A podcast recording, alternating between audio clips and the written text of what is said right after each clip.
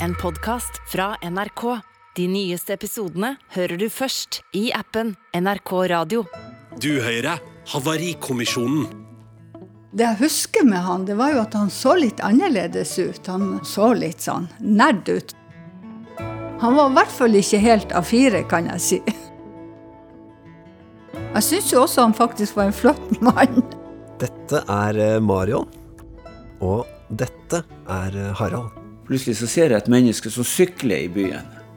Det var varmt og fint med bare armer og Og jeg husker hvor liksom der, det slo meg midt i mageregionen. Herregud, hvor nydelig hun er. Følger med bakfra på sykkel. I starten er alt eh, stor stas mellom Marion og Harald, men så skjer det noe. Jeg var en skikkelig drittsekk. Jeg gikk vel egentlig bak ryggen på og lot som ingenting. Og da måtte jeg jo konfrontere han med det her. Ja, han måtte være så vennlig å fortelle meg hva, hva er det med hun? Hva er det hun har som ikke jeg har? Dette er eh, Havarikommisjonen. Jeg heter Eivind Sæther, og sammen med psykologene Katrin Sagen og Sindre Kvitil Aasli skal jeg dykke ned i det som en gang var en eh, lykkelig kjærlighetshistorie, og prøve å finne ut hvorfor forholdet havarerte. Havarikommisjonen. Og Sindre, hva hører du her? Jeg hører at her har det skjedd noen dype kutt i båndet mellom de to. Og jeg er veldig spent på å høre om de klarer å rense, sy og plastre det. Katrin, er det noe du allerede nå tenker at vi skal være litt uh, obs på? Mm, det er et eller annet som skal repareres her, tror jeg også. De hører en slags utrygghet hos Marion her. Er jeg bra nok for deg? Ok, dette skal vi snakke mer om, men eh, vi må tilbake til starten, altså til før det knoter seg til for eh, Marion og Harald. Året er 1973, og det er fest i en liten studentleilighet i Tromsø. Det var masse folk, mye musikk. Og der var på hvor folk røyka inne. Så det var noe litt sånn røyk i rommet, og sånn som en, en fest kunne være. Og eh, det ble sikkert drukket eh, noe alkohol også. Det, det, gjorde det helt sikkert, for det var ikke noen avholdsfolk som var i den festen. ja, det var veldig trivelig. Noen kjente, og noen kjente jeg ikke. Og denne mannen da, som, som eh, heter Harald, da, han hadde jeg ikke sett før. Jeg husker han hadde en islandsgenser en hvit og brun med veldig fint mønster på. Det husker jeg. da tok Marion kontakt med meg og satt ved sida av meg med bordet og, og, spurte meg om noe så tørt som at søstera gikk på skole og trengte hjelp til noe matematikk. Og lurte på om jeg kunne svare på det og det. Men det var jo litt besnærende å bli kontakta av ei ungdommer som ville snakke med meg om det. Ikke, ja, ikke musikk og ikke fjellturer og ikke andre ting, men akkurat matematikk. Men, men uh, han var veldig tillitsvekkende og veldig imøtekommende, det husker jeg. Uh, det var ikke sånn at han syntes det her var et dumt spørsmål, og han svarte. det her var jo i november. Det ble vår. Og da var vi et gjeng som da tilfeldigvis møttes på et utested og spiste middag. Jeg pleide å gå og spise middag på sånn matbong på, på en kafé. Du kjøpte liksom, betalte inn et visst beløp, og så fikk du eh, middag til sånn ca. halve prisen. Dagens meny. Så var det jo nærmere påske i, i 74, så satt det noen nede på kafeen der og prata. Jeg kjente jo til flere av dem, og, og blant annet så var Marion der. Praten gikk rundt bordet, og, og det var fint vær ute, det nærma seg påske. Og da sier nå jeg bare at jeg har så veldig lyst til å dra på påsketur i år. Kunne tenke meg å dra på en hyttetur. ja, jeg hadde jo for så vidt planen klar for, for påskeferien. Jeg, skulle hjem til Andøya. og, og hm, dra på hytta sammen med familie. Så sa jeg bare liksom ut i lufta ja, du kan jo bli med meg du kan jo bli med meg på, skal du få dra på hytta. Så Og jeg svarte like fort ja, ja, ja takk, det vil jeg gjerne være. Vi reiste med Hurtigruta fra Tromsø. Og det her var siste hurtigruteavgang eh, før påske. Det var veldig dårlig vær også, så det var sikkert ekstra mange som hadde tatt båten. Og jeg husker det var at det var så fullt at vi måtte Alle stolene var opptatt i salongen, lugarer var opptatt, og vi satt i trappen. Sånn som, som på rekke og rad nedover alle etasjene på Hurtigruta. Så det var jo kjempegod stemning om bord. Det ble jo absolutt en påskeferie med litt sånn forskjellig innhold i. Og i løpet av denne eh, påska så syns jeg jo at han Jeg likte han jo mer og mer. så når vi dro derifra, da hadde jeg jo lyst til å, å bli bedre kjent med han. Det hadde jeg jo. Absolutt. Jeg tror da vi dro tilbake til Tromsø, så da tror jeg det var litt sånn i, i kortene. Jeg tror nok vi var ganske bestemt på å møtes oftere, for å For det gjorde vi i alle fall. Vi slapp jo ikke taket etter den påskeferien. Og det ble jo mer og mer kontakt. Så på høsten så dro vi på ferie i lag. Da dro vi på chartertur fra Tromsø til gamle Jugoslavia. Vi hadde det veldig artig. Og der nede så fant vi ut at igjen, nei, vi skulle jo forlove oss. Det var jo liksom vi to, da. Så det gikk veldig fort. Det var slik at høsten 74, da ble vi gravid. Det er ikke det det heter. Vi ble gravid. Da hadde vi allerede bestemt oss for å gifte oss. Jeg ser at dere blir i godt humør av å høre på dem. Ja, de er veldig søte. De er det. Ja, ordentlig. Søren, altså. Det er så friskt opplegg. Altså, de bare kjører på. Det er ut på hytta, kjærlighet, forlovelse, barn, pang. De er det ikke deilig? Jo, de gjør jo så mange sånne fine ting som øker attraksjon. De gjør det jo så riktig og fint, og liksom lager seg viktige for hverandre, viser at de er interessert, og De bare svever på rosa sky fra Tromsø ut på Hurtigruta, ned på, på sydenferie. ja, kjempefint. Ja. For det, det vi driver med, og det dere driver med, er jo å tenke og analysere og se på hva burde man gjort og kunne man gjort. Og jeg syns det er så deilig med bare å leve. Tenke mindre og leve mer. Når det flyter. ja. Jeg kjenner jo på en motstand inni meg nå. For å komme med for mange tolkninger på akkurat dette her. Men det er jo konseptet vårt. Det kommer et men her, dessverre. For det er, jo, altså, det er jo noe som på en måte sniker seg inn her. Det kommer utfordringer. Hva tror dere utfordringene blir for disse to? Nei, det er vanskelig å si, sant, for nå er de så Vi vet eh, så lite. Vi vet bare at inngangen står veldig tydelig for begge. Det er masse detaljer de husker. Vi skjønner at dette her har vekket mye følelser hos begge, sånn på ordentlig, for ellers hadde de ikke husket inngangen sin på den måten som de gjør. Når noe nå kommer til å skje, så står jo det veldig i kontrast til denne inngangen, i hvert fall. Ja. Ja. Og jeg syns det er så gøy å høre på detaljene de husker. Det var den eh, genseren hans, hvordan hun så ut på sykkel bakfra. Og det er egentlig et lite sånn minitips til par der ute, hvis du har lyst til å ha det litt hyggelig sammen. Ta Sett dere ned og snakk om hva dere la merke til ved hverandre først. Ah. Hva la du merke til med din mann først? Uh, jeg la merke til de veldig fine ørene hans. Ja! Det er nydelig. Det er også et sted man kan starte. Så deilig. Nei, men det tror jeg på. Er det ikke litt sånn dere jobber innimellom òg? At man liksom prøver å altså Når det er litt shaky etter en stund, så gå tilbake der det starta, liksom. Hva var det? Hva er det dere kjemper for, på en måte? Bra, men, Men ja. siden vi er jo sånne Vi er jo satt her til å være sånne narkobikkjer som skal lukte etter varselsignaler, så det går jo litt fort, da. Ja. Altså, for de har vel da forlovet seg å vente barn innen det har gått ett år. Vi kan jo i hvert fall eh, tenke oss at de tar disse store avgjørelsene inni forelskelsesrusen. Mm. Så de gjør jo noen valg som får store konsekvenser for livet deres videre, uten at de helt vet hvordan paret deres er når forelskelsen har lagt seg. Ja. Riktig.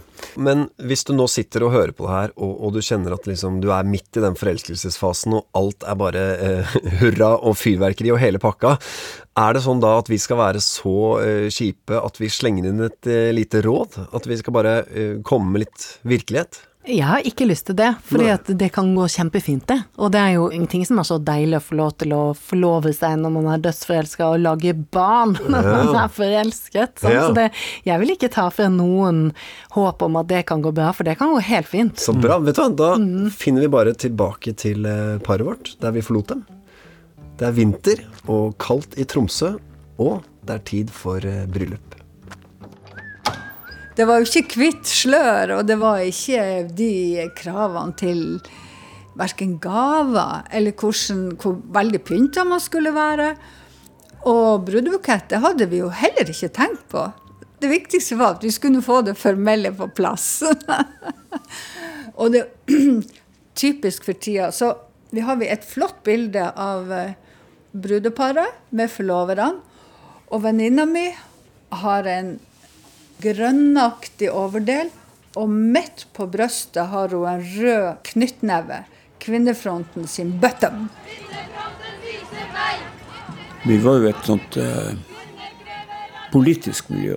Ja, det var mye sånn eh, aktivitet på byen på 70-tallet. Ja, vi var jo ikke akkurat 68-ere, men vi kom noen år etter, så vi var jo veldig opptatt i den tida av politikk. Ja, Det var jo demonstrasjoner, det var masse aksjoner. Det var jo en del streiker rundt omkring i landet, og vi sto gjerne på stands for å dele ut eh, støttemateriell og samle inn penger til streikestøtte. Og så var det jo alltids eh, 1. mai-mobilisering og ja. Politikken og det politiske ståstedet har vært et fellespunkt som vi hadde da. Og det fortsatte jo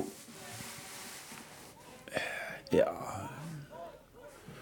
Det fortsatte hele den tida vi hadde småunger.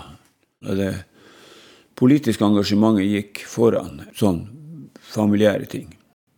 Man var ikke flink nok til å være den der lille familien, og også ha rom for seg sjøl som par.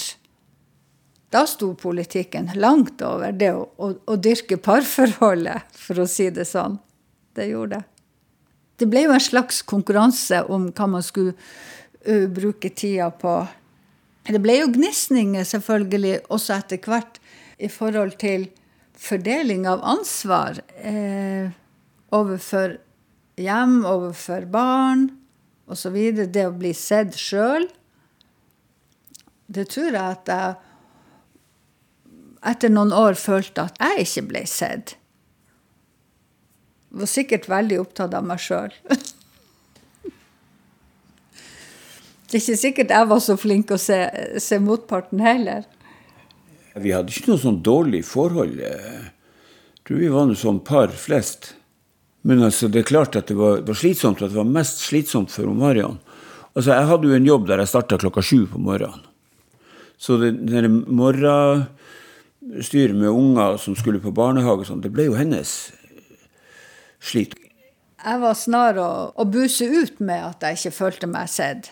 Og fyrte meg opp og ble sint, rett og slett. Og det var ikke Harald sin væremåte. Nei, han, han sprang. Da bare tok han beina på nakken, og så for han ut døra.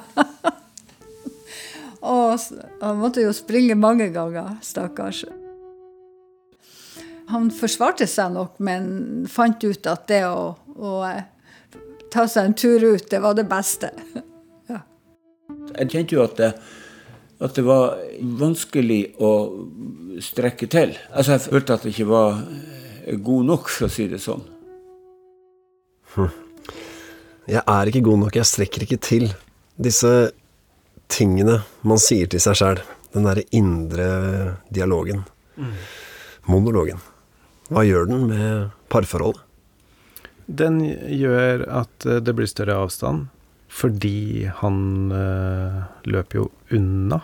Ja. Fordi at når hun ikke kjenner seg sett, så buser hun ut og blir sint. Og da blir han øh, redd, så da løper han. Ja. Og da kjenner hun seg enda mindre sett. Og blir enda sintere, og Ja. han løper enda mer. Dette høres dårlig ut. Ja, det er veldig smertefullt for begge to. Eh, Og det er gjerne en sånn tilstand hvor det kjennes som at eh, den andre er mer dum enn det jeg er. Ja, så vi er på en måte litt i forsvar hele tiden, og da er det vanskelig å få en sånn dialog hvor vi får hull på det, eller får snakket om hva det egentlig handler om, eller får reparert, som vi sier ofte da. Så man blir veldig sånn opptatt av, litt som Marion mm, også sier, man blir veldig opptatt av seg selv og sin egen smerte, og klarer liksom ikke å se at jeg faktisk er del av et mønster her, hvor vi begge har det vondt. Her høres det ut som vi er inne i sånn klassisk eh, dum pardynamikk. Kjempeklassisk. Ja. Jeg tror alle kan kjenne seg igjen i denne dynamikken i ikke bare parforholdet, men de viktigste relasjonene vi har. Altså, og hvorfor blir det sånn? Jo, det er fordi at de nære, de aller viktigste, der er vi på vårt mest sårbare. Fordi at det som er dyrebart for oss, det er vi redd for å miste, og da begynner vi veldig fort å kave. Ja. Og, og hvis dynamikken får fortsette, hva fører det til? Det fører til stor avstand. Og så er det jo eh, noe annet som skjer her også, som tar plass og stjeler av tiden deres. Et, eh, et stort politisk engasjement. Altså fokuset går et eller annet annet sted.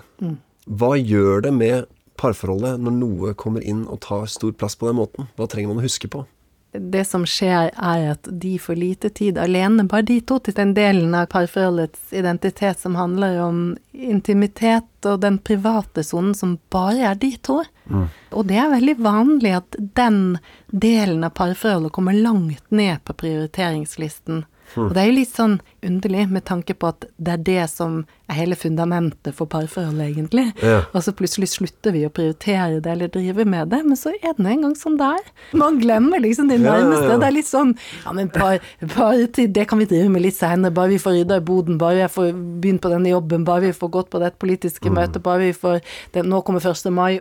Vi er nødt til på en eller annen måte et eller annet sted å bestemme oss for å prioritere parforhold og ta vekk noe annet. Ellers så forsvinner parforholdet til slutt. Men altså, akkurat det å rydde plass er jo en utfordring. Jeg, jeg har en kompis som er helt ekstrem på det. Eh, for han har kjørt, jeg husker ikke om det er tirsdag eller onsdag, men det er én gang i uka så er det bare det er date night. Og jeg jo, jeg blir jo nesten sliten. Altså, En gang i uka høres jo helt fantastisk ofte ut. Men er det måten å gjøre det på? Det kan det absolutt være. Jeg syns det høres kjempelurt ut. Det trenger jo ikke nødvendigvis å være én gang i uka. Men um, En gang i måneden er lettere? Ja, kanskje en gang i måneden, og kanskje skiftevis ha ansvar for å planlegge eh, hva dere skal gjøre. Så er det et eh, overraskelseselement inni det også. Vi vet jo at parforhold som har liksom noen sånne tradisjoner og ritualer, liksom sånn som litt tydeliggjør litt hvem vi er som et par. De klarer seg bedre? Ja, de klarer seg Oi, bedre. Ja, sant? Og det trenger, ja, det kan være liksom enda mindre enn det. Det kan være sånn at men for oss er det viktig å bare ha den ene kaffekoppslurken sammen før vi går på jobb, Ja. for eksempel. Hva med for oss er det viktig å ligge og se på Netflix sammen på sofaen om kvelden? Er den, den er Ja, den er selvfølgelig, helt klart. Det handler litt om å være bevisst mer enn at det bare skjer. Hvis vi vet at dette er noe av det vi liker aller best, å gjøre det, da er det en god parforholdinvestering. Mm. Det forteller også noe om hvem vi er. Vi Ja. to. Vår lille duo. Det styrker identiteten til paret. Det binder oss sammen. Ok, dere, vi skal tilbake til eh, Marion og Harald. Eh, bedriften der Harald jobber, den går konkurs, noe som gjør at han er nødt til å finne på noe, noe nytt, og da eh, tar han lærerutdanning. Men det er et valg som kommer til å få store konsekvenser for familien. For mitt vedkommende så ble det jo en sånn behagelig overgang fra verkstedgulvet og støv og skitt, for å si det sånn. Det var jo en veldig ny opplevelse, så dyrk deg selv, eller hva jeg skal kalle det. Denne tida ble jo ei omstillingstid. Det ble jo å leve på ei lønn og ei studielån. Eh, jeg fortsatte da i min vanlige jobb, og han kom over i et eh, ja, mer akademisk miljø. Og det jeg husker, det var jo at eh, vi hadde en felles venn, venn, av oss som sa at Harald, må du huske på at når du nå begynner å, på lærerskolen, så kommer du i et studentmiljø. Det er veldig forskjellig fra det miljøet du er i dag i, har jobba i, og som dere som familie lever i. At det kunne være noen farlige utfordringer når jeg kom ut i, fra arbeidslivet på en typisk eh, mannsdominert arbeidsplass og kom ut i et studiemiljø med, med kanskje flertallet eh, kvinnelige studenter og, og unge folk. Veldig mange likte han veldig godt. Han fikk mye oppmerksomhet og følte seg nok sett mer enn han gjorde hjemme. Jeg er sikker på han syntes det var mye mer spennende der enn med det som var ungt og fresh og alt det der. Og også mange, mange nye impulser med å være student. Input av kunnskap og lærdom. Mens jeg var i det her hjulet som gikk rundt og rundt. Så, men kan vi i ettertid si at hun som kom med advarselen, fikk rett, for at det ble mye som uh, opptok oppmerksomheten i, i, en del av den tida på lærerskolen, ja. Jeg husker det var en episode som, som uh, Jeg visste hvem Den klassen som jeg gikk i, var jo ikke større enn at jeg visste hvem veldig mange av dem var. Og så husker jeg han fortalte at ja, han hadde vært uh, hjemme hos ei, og hun hadde bakt surdeigsbrød, og det var så godt. Så tenkte jeg ja, ja, det var noe hyggelig. Men etter hvert så skjønte jeg jo at det var jo ikke bare surdeigsbrødet som var hyggelig. Og det var ei bra ung dame. Og eh, da jeg ble klar over det, at eh, at det her var mer enn bare hyggelig surdeigsbrød, da gikk det jo opp for meg at jeg hadde vært ganske naiv. Og da måtte jeg jo konfrontere han med det her. Og da stilte han det spørsmålet at eh, Ja, han måtte være så vennlig å fortelle meg hva var det Hva, hva er det med henne? Hva er det hun har som ikke jeg har? For henne så ble det jo et, et Må jo ha vært et eh, Ja, hva tenker du om noen som holder på å svikte deg? Du blir jo enormt skuffa, du blir jo uh, sint. I tillegg så det var ikke bare hun jeg svikta, det var jo familien, ungene, alt. Ja, det er ganske alvorlig og, og fælt å tenke på. For det sviket fortsatte jo det syke fortsatte i mange år. Så var det ei dame nå, ei dame da. Jeg etablerte aldri noe forhold. Sånn, hadde ikke noe sånn der Nei. Det, det var bare det at det var uh, Ja. Ja, når jeg sier at jeg aldri etablerte noe forhold underveis, så, så er det jo Det er jo en beskrivelse av meningsløsheten i det. Så det, For det her var ikke noe sånn der eh, Det var jo ikke noe som handla om i det skjulte. Noen kan være utro i det skjulte. Men det her var liksom ikke Det var liksom åpentlyst, og det syns jeg Ja. Og da, det var skjellsettende. Det var en var ikke noe god opplevelse å bli klar over det. Det var eh, Jeg kjenner, jeg kjenner det jo i magen enda når jeg forteller om det. Da er jeg på det Det var bare bang. Eh, og så kjente jeg at eh, nei, nå har jeg skuffa Marion så mye at jeg kan ikke rette opp det. Det er ikke noe å, å hente lenger. Eh, jeg kan ikke etablere noe tillit. Altså, hvordan kan hun, hvordan kan hun ha tillit til meg sånn som jeg har holdt på, liksom? Katrin, hva tenker du? Jeg blir så berørt av det her. Jeg syns de er så modige å prate om det på en så fin måte. Dette er så komplekst, sant. Han er jo veldig tydelig på liksom dette Hvordan kunne jeg gjøre dette? Han snakker om noen sånn motløshet, eller meningsløshet, underveis. At det var meningsløst, for det var ikke viktig for meg. Likevel så gjorde jeg det. Hvordan kunne jeg gjøre det? ligger liksom bak. Og den skuffelsen over å være en sånn fyr. Som på en måte Jeg tenker mange vil kjenne seg igjen i. Mange som er ute og kjenner jo at dette her Jeg går jo helt på tvers av hvem jeg vet at jeg er som menneske. Hvem er jeg når jeg gjør det her? Om hvordan i alle dager skal jeg kunne reparere. Et svik av den typen vil alltid ramme egenverdien. Og Ja. det kjenner jo Marion i magen fortsatt. Så det er det, det kan kjennes ut som å være i fullstendig fritt fall. Alt du har trodd, viste seg å være usant. Og så havner jo han i en ganske sånn selvdestruktiv uh, syklus, fordi at han har gjort en skade som man ser på som uopprettelig. Ja. Og det høres for meg ut som at det er noe sånn selvstraffing i Altså at han fortsetter med noe som Han har, han har ødelagt noe som aldri kan gjøres godt igjen. Men man føler jo sånn. Altså, det er jo det ultimate svik. Det er så innmari vondt. Man føler seg jo så stusslig selv. Men lar det seg reparere?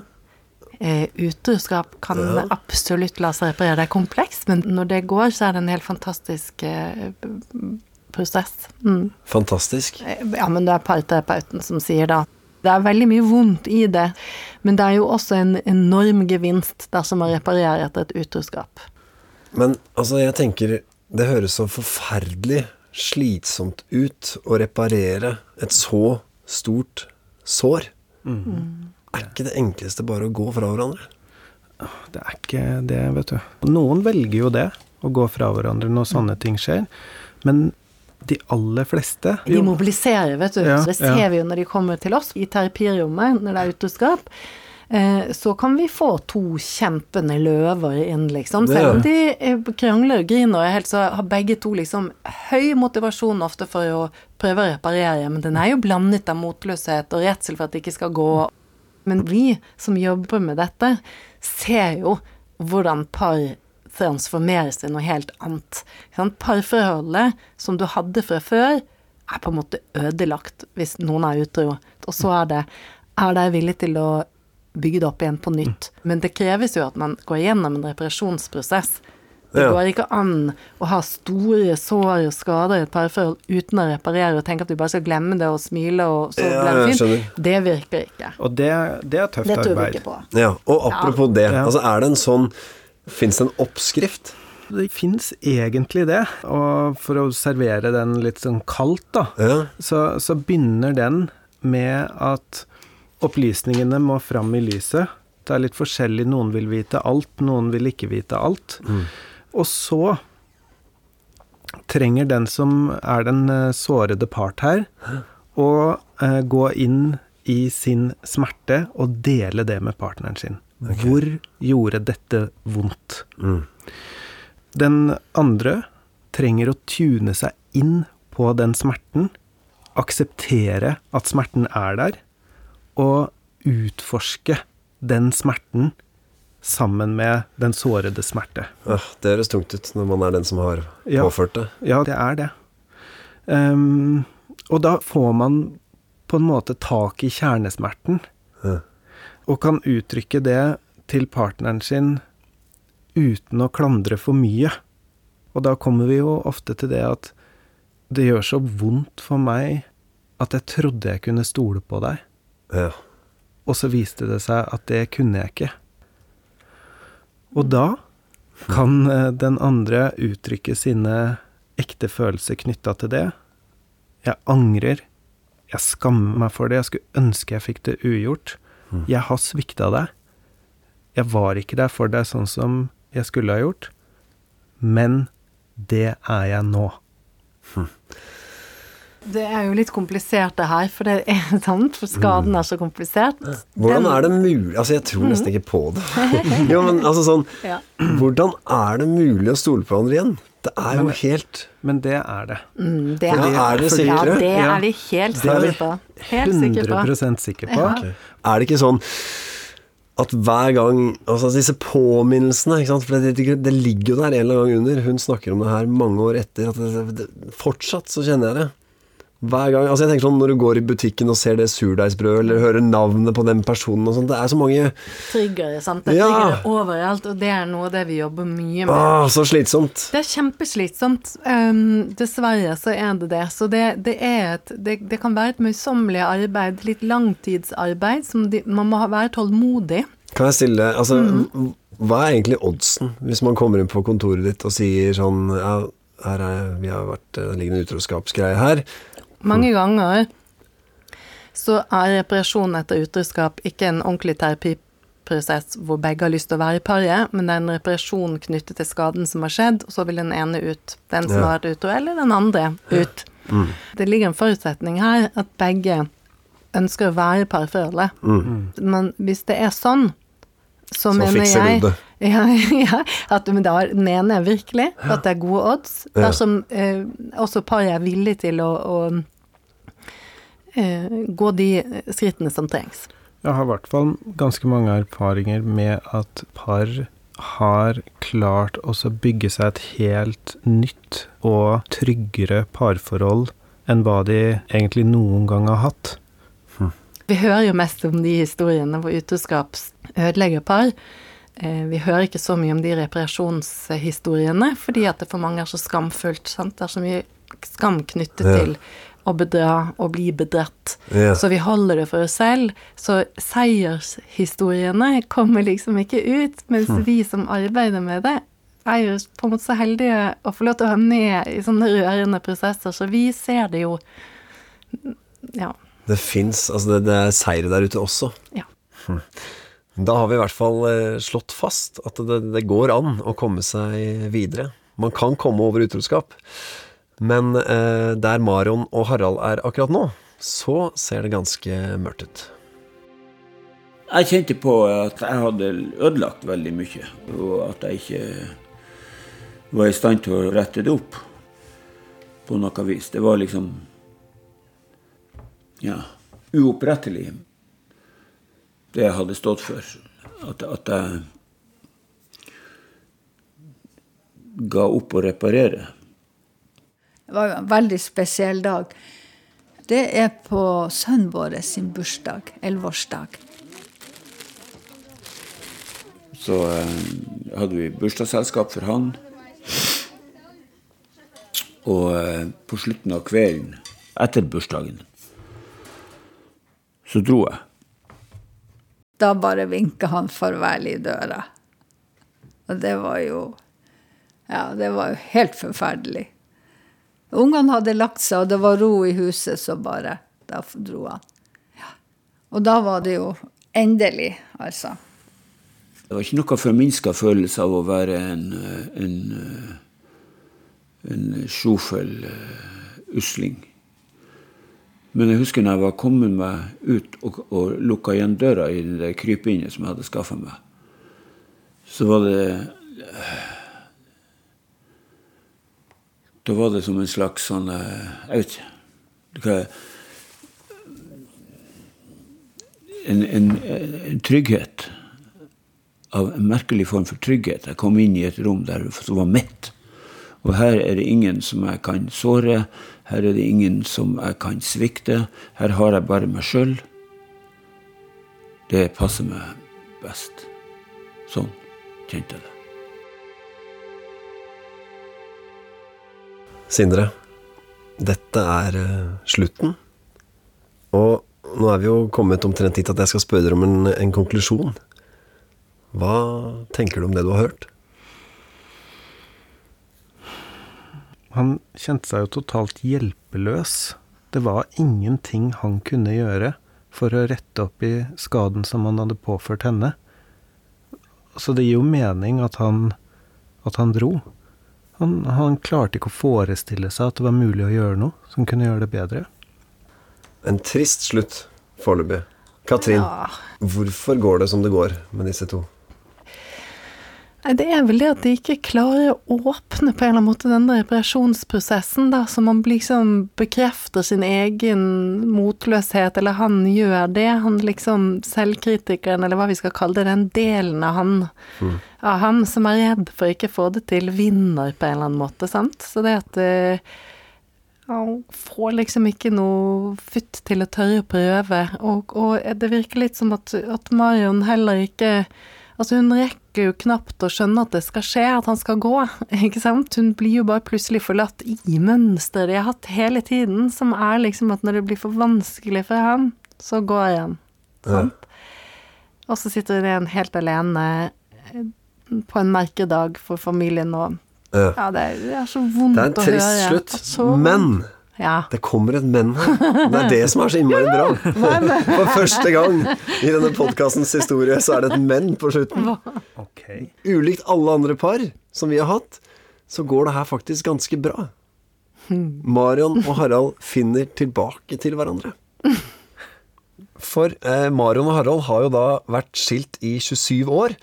Og så får de etter hvert barnebarn, noe som eh, fører til at de blir eh, invitert med på storfamilietur til eh, Thailand. Vi kom til Thailand, og det var en fantastisk opplevelse. Vi fløy jo på natta og kom fram der ut på morgenen. Så reiser vi med buss til en bitte liten landsby og ei lita kai som under nordnorske forhold var bare tynne plankebord, og vi gikk over med de der tunge, store turistkoffertene, og, og plankene svaia under oss. Vi ble henta med sånn her eh, longtailbåt og, og raste ut mellom øyene. Kjørte gjennom den mangroveskogen som hang over vannet. Vet du, det var jo så vakkert, og varmt i vannet og varmt i lufta. og man var jo bergtatt med en gang. Det er kanskje det mest paradisiske stedet jeg har vært på ferie. Vi hadde jo turer der alene med barnebarnet vårt. Vi kjørte tuk-tuk i lag med han og gikk tur alene og sånn. Trilla han og Det var, var fint å være i hverandres selskap. og Kanskje vi begynte å tenke nye ting igjen. Jeg tror det iallfall. Det var ikke Tanken var ikke fjern. Og så kom vi på nyåret i 2013. I, da var, hadde Marion nettopp fylt 60 år. Planene hennes var klare, for hun og ei venninne som hadde fylt 50, de hadde planlagt å slå sammen den, de, de to feiringene til én felles feiring i, i Finnmark på nyåret. Så eh, jeg var jo så heldig at jeg ble invitert til det.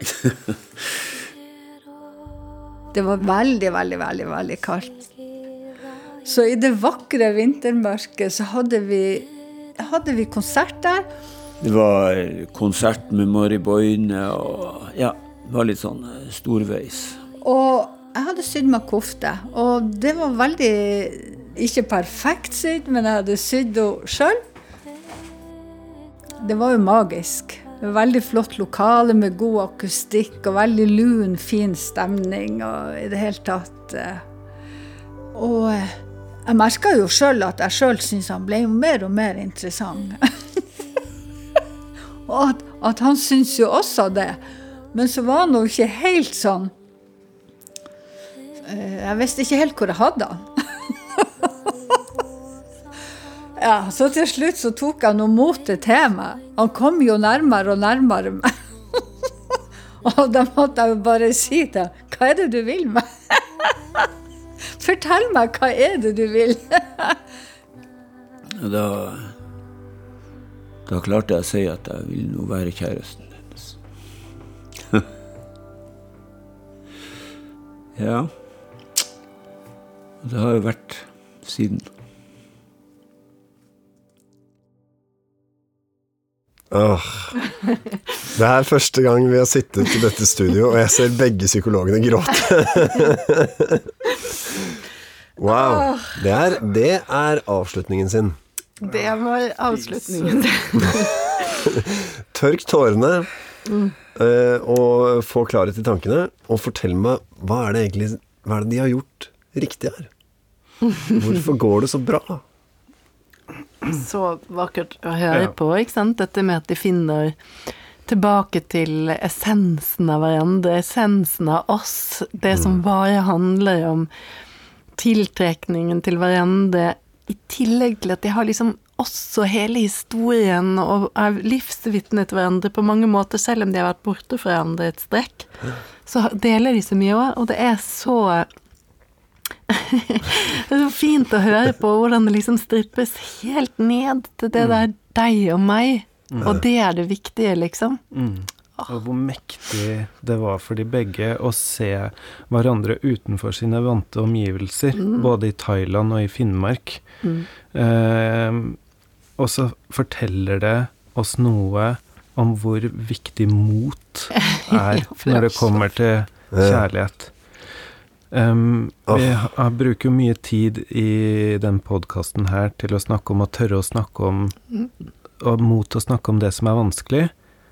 Men det krever også søren meg mot til å snakke om det som er fint òg. Hva vil du?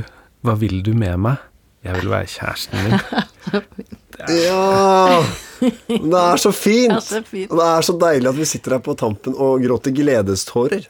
Ja. Når vi liksom snakker om hva er kjærlighet, og man sier sånn kjærlighet og hat og sånn, og så er det jo nettopp det at det motsatte av kjærlighet er ikke hat, det motsatte av kjærlighet er frykt.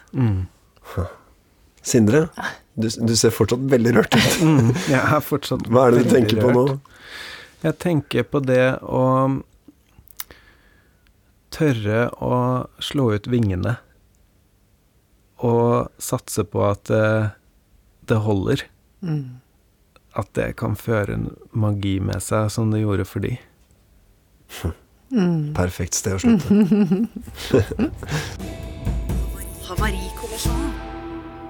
Harald og Marion, nå har dere hørt eh, hva terapeutene har eh, sagt, og eh, da lurer jeg på, Marion, eh, hva tenker du om det de hadde å komme med? Jeg syns de har fått veldig mye ut av det her. Og jeg kjenner meg igjen. Var det noe som traff eh, spesielt? Ja, når de snakker om måten vi kommuniserer på, at jeg blir sint og Harald stikker av gårde, og at det fører til avstand. Så sier de også en ting som jeg traff meg midt i, i, i brøstet. De sier det fører til ensomhet. Og den kjente jeg veldig på. Jeg kjenner på det der jeg også. Jeg bruker å si at jeg hadde kjærlighetssorg i forholdet. Men jeg lurer på, hvordan får man tillit til hverandre igjen? Det var en av de her terapeutene som snakka om at for å kunne forstå sin egen smerte, så må man kunne gå inn i smerten til, til kjæresten. Så er vel det som er mest smertefullt. Men det er utrolig lærerikt. Vår historie er jo at vi har jo egentlig ikke rydda opp i alle de her tingene. Men de har kommet sånn ad hoc, og da har vi tatt dem. Og etter hvert så har jeg jo lært meg å sette mer ord på og si at det, det der, det, det, det minner meg om det som har skjedd, og jeg blir trist av det. Være ærlig på hvordan jeg opplever den følelsen. Og da får jeg jo det fantastiske resultatet som de bruker i oppskrifta. Jeg får en dialog med han Harald om det. Man er jo aldri helt 100% sikker på hvordan ting går, men, men det er å, å tørre, og det er å tørre å tro på at det her går bra. Og er det, altså jeg må bare spørre, for jeg tenkte det, det festa seg sånn, dette surdeigsbrødet. Er, er det sånn at surdeigsbrød har vært problematisk eh, i etterkant? Tvert imot, vet du hva? Eh, For fire-fem år siden så begynte vi å bake surdeigsbrød. Og vi baker, det uk vi baker det ukentlig. ja, det var deilig å høre. Ja. Eh, Men dere kaller dere kjærester, men på dagen 45 år etter at dere giftet dere første gang, så giftet dere dere igjen. Ja, vi hadde bestemt oss at vi ville gifte oss igjen, og vi ville gifte oss på den dagen. Og det endte med at vi hadde vielse i bakgården her vi bor. Og den dagen da, da vielsen kom, så var det styrke 13 og snøfokk her ute. Ballongene vifta, og snøen blåste inn på verandaen. Og så var det bare vi og barna våre og barnebarna. Dattera vår via oss, og sønnen vår var vitne. Det var magisk. Det var nydelig. Takk til Harald og Marion for at de delte sin historie. Har du lyst til å høre andre parhistorier, så finner du flere episoder av Havarikommisjonen i appen NRK Radio. Vil du og din ekskjæreste dele deres historie og høre hva parterapeutene har å si om forholdet deres, så sender du en mail til havarikommisjonen krøllalfa nrk.no. Denne episoden av Havarikommisjonen er laget av Maja Østerud og Karoline Møller. Lyddesign Hilde Rolfsnes. Redaksjonssjef er Randi Helland. Mitt navn er Eivind Sæther. Du har hørt en podkast fra NRK. De nyeste episodene hører du først i appen NRK Radio.